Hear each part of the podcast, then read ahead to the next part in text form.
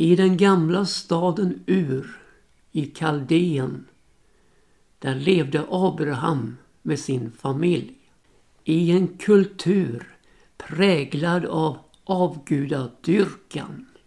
Och det ser ut som Abraham och hans familj inte utmärkte sig i ett bättre förhållande till en levande Gud.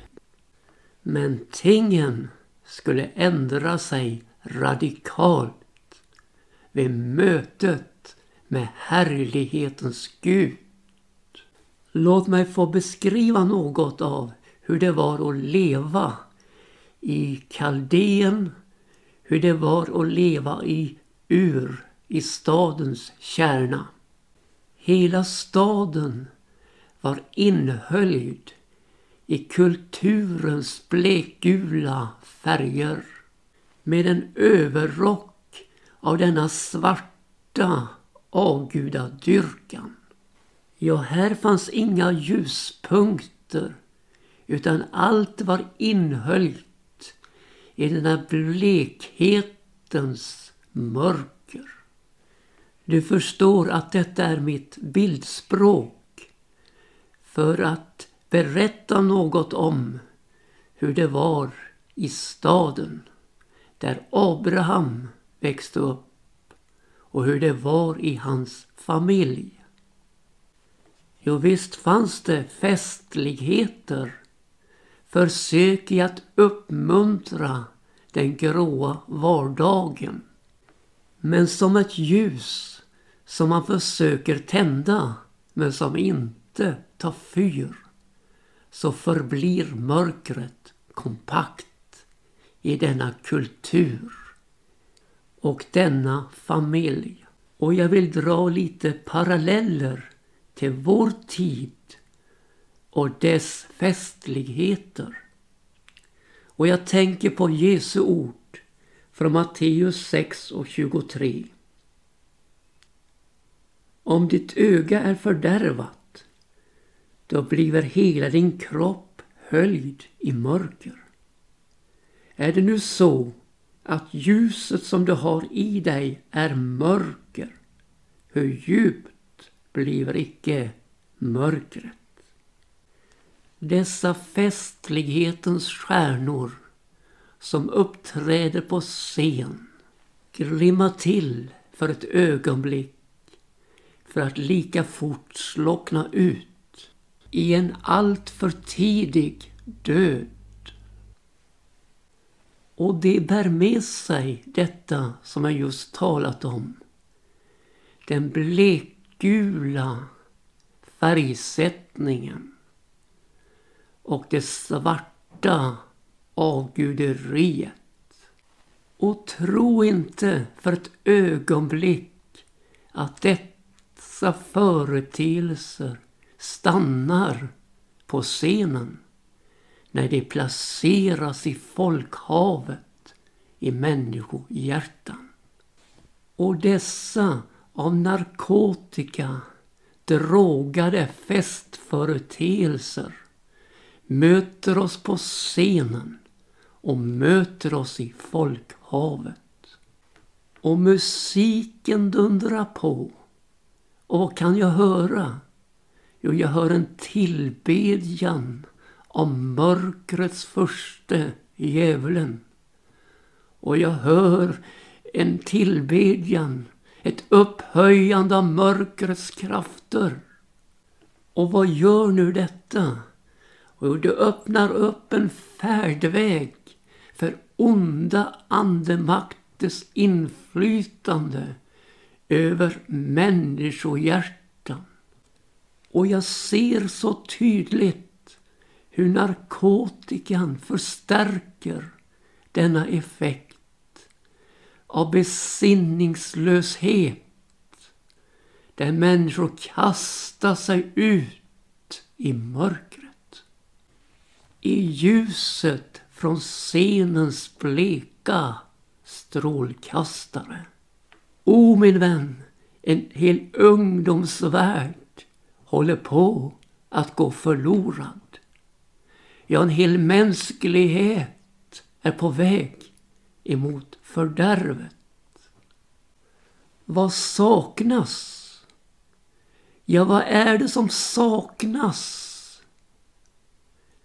Jo, det är härligheten från Gud. Det är den som har gått förlorad genom synden. Kan du se Abraham där innanför hemmets mörka väggar?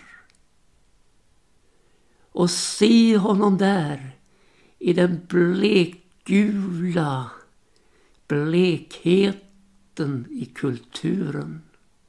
Kan du se honom där med denna överrock av avgudadyrkan? Vad saknar han, denne Abraham? Jo, han saknar härligheten från Gud. Och inte bara han, utan alla människor. För alla har syndat och saknar just det, härligheten från Gud. O vad blekt allting blir. O vad mörkt allting blir när denna härlighet har gått förlorad. Och kan du tänka dig att själv Abraham hade ingen möjlighet att själv bryta sig ut ur denna grepp som synden hade åstadkommit. Men så kom från himmelen ett svar på denna blekhet. Ett svar på detta mörker. Härlighetens Gud uppenbarade sig för Abraham. Och i den uppenbarelsen låg en marschorder. Gå ut ur ditt land och från din släkt och drag till det land som jag ska visa dig. Slut med rundgången. Slut med meningslösheten. Men ett liv med inriktning. Inriktning mot det land Gud visade honom. Och så heter det då så underbart i Hebreerbrevets elfte kapitel. Genom tron var Abraham lydig när han blev kallad. Han drog så ut till det land som han skulle få till arvedel. Han drog ut fast han icke visste vart han skulle komma. Och så heter det så underbart vidare i texten. Genom tron bosatte han sig såsom främling i det utlovade landet, lika som i ett främmande land och bodde i tält med Isak och Jakob som var hans medarvingar till samma löfte. Ty han väntade på staden med de fasta grundvalarna vars byggmästare och skapare är Gud. Ja, Abraham, han visste inte var han skulle komma. Men han hade en garanti på vandringen mot det utlovade landet. Nämligen Gud är trofast. Och det var nog för honom för att ta steg på steg närmare och närmare löfteslandet. Och när han väl kom fram dit så bosatte han sig där genom tron såsom en främling och bodde så där i tält tillsammans med Isak och Jakob som var hans medarvingar till löftet. Detta löfte om en stad med fasta grundvalar vars byggmästare och skapare är Gud. Ja, vandringen, den tog inte slut. Men det blev en bosättning i löftena när han kom fram till löfteslandet. Och få denna fasta tillförsikt, denna övertygelse i Guds löften. Det är att bosätta sig i landet. Ja, nu är tiden i tält. Men det stundar en högtid i Guds himmel då löftet ska slå ut i sin fulla verklighet. Men så läser jag lite längre ner i Hebreerbrevets elfte kapitel om denna trons verklighet. I tron dog och alla dessa innan de ännu fått vad utlovat var. De hade alena sett det i fjärran och hade hälsat det och bekänt sig vara gäster och främlingar på jorden. Ja, det fanns något som var så nära, nämligen Guds löften. Men det fanns något som ännu var fjärran. Uppfyllelsen av dessa löften. Därav detta främlingskap.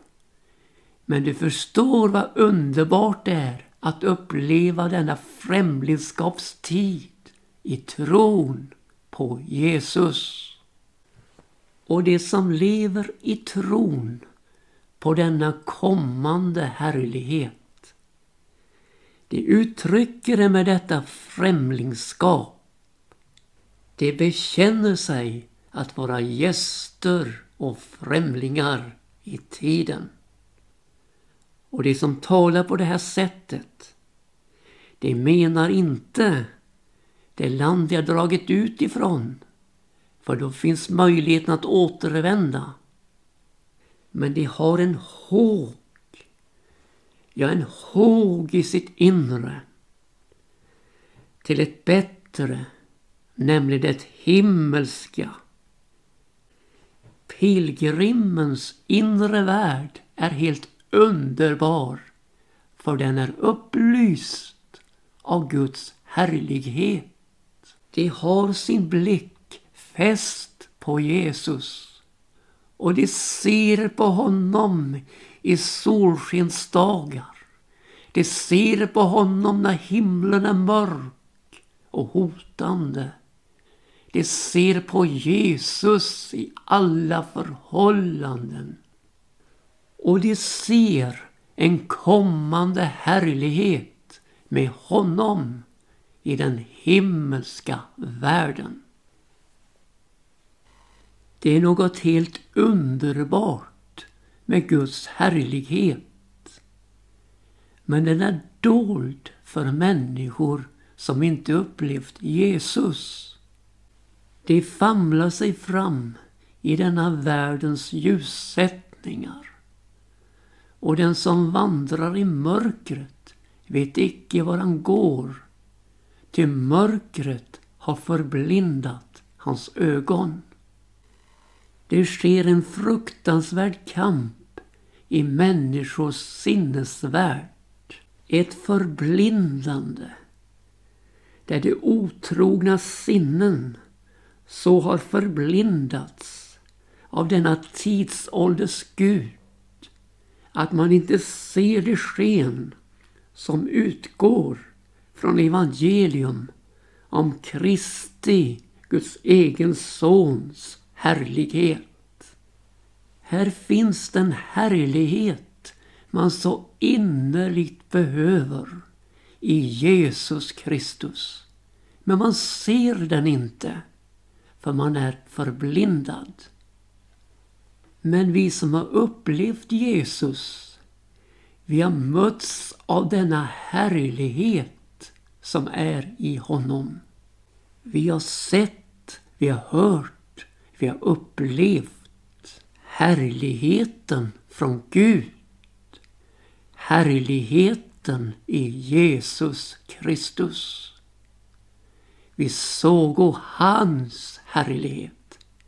liksom den enfödde sonen har det från Fadern, full av nåd och sanning.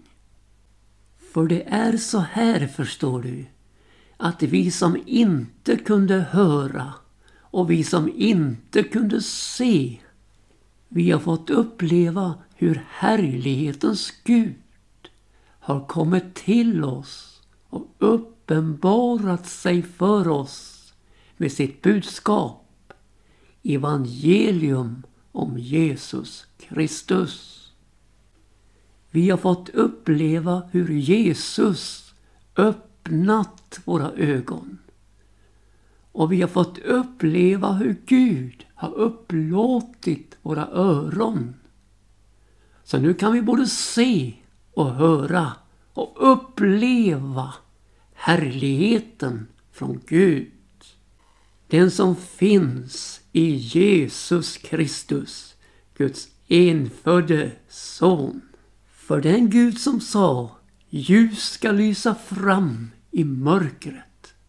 Han är den som har låtit ljus uppgå i våra hjärtan för att kunskapen om Guds härlighet som strålar fram i Jesu ansikte ska kunna sprida sitt sken. Kan du tänka dig Gud upplyste oss på det mörkaste stället i vårt väsen, i vårt hjärta. Där lät han ljus uppgå och detta för att kunna sprida vidare den kunskap om Guds härlighet som saknas. Men som så klart strålar fram i Jesu ansikte. Har du fått blicken fäst på Jesus och sett hans härlighet, då bleknar allt annat. Världen försöker att lysa upp vårt yttre men misslyckas. Jesus upplyser vårt inre och lyckas. Och hur kan det nu vara så? Jo, det är ljus som världen menar sig representera. Denna blekhetens sken är bara mörker. Men Gud, han är ljus och intet mörker finnes i honom. Och när han låter sitt ljus Jesus Kristus upplysa människans inre värld, ja då, då blir det ljust och fyllt av Guds härlighet. Och i denna härlighet ligger det förunderliga, ett främlingskap i denna världen men en hemåtsrätt i himmelen. Pilgrimen har fått en ny håg, en ny längtan. Blekhetens melodier är borta och ljuset från Guds härlighet med tonerna, det himmelska, tonar i det inre på vandringen hemåt mot löfteslandet. Gud, han pressar inte människor in i en tvångsmarsch mot himlen. Nej, långt ifrån. Men han lägger ner en längtan i pilgrimens hjärta. En längtan att nå målet. En längtan att få se Guds härlighet i det himmelska. Vi är inte tvångsrekryterade. Men vi är fria till en vandring. En vandring i Jesu fotspår mot himmelens härliga land. Guds barns härliga frihet. I en oförgänglig värld, utan synd, utan död, utan sjukdom. Med ljuset från Guds lamm, Jesus Kristus, som upplyser hela himmelen. Det är Guds härlighet det. Det är härligheten från Gud. Det mörknar här i tiden och Folken är över folken. Ja, min vän, det blir inte lättare att orientera sig framöver. Tvärt emot, det blir bara svårare och svårare i det tilltagande mörkret i tiden. Men så har jag detta underbara budskap till dig. Att ljuset lyser i mörkret och mörkret har icke fått makt därmed. Kulturens dödsgrepp om din själ kan lossna genom Jesus Kristus. Hans hand är uträckt från himlen och den är inte för kort så han inte kan frälsa. Den kan nå just dig och bryta detta dödsgrepp över din själ. Du kan få ljus, klarhet och skärpa i din inre värld. Ja, du kan bli fri i Jesus Kristus och få frid i din själ. För visst är det väl underbart att inte behöva vandra på dödens väg bort ifrån Gud utan få omvända sig och vandra raka motsatsen mot himlens härliga land i Jesu efterföljelse för att förenas med honom i evigheternas evigheter. I en himmel upplyst av honom med Guds härlighet. Ja, du förstår, jag sitter här och talar för att du ska få dina ögon öppnade och se vem Jesus är. Se hur underbar han är. Se utstrålningen från hans ansikte. Få se, få syn för Guds härlighet. Ja, vi ser honom inte ännu med våra vanliga ögon. Men vi fröjde oss över honom med härlig och outsäglig glädje då vi är på väg att vinna det som är målet för vår tro, våra själars frälsning. Och under tiden ser vi honom med trons ögon i hans underbara härlighet. Vi ser honom som Guds lamm som borttager världens synd.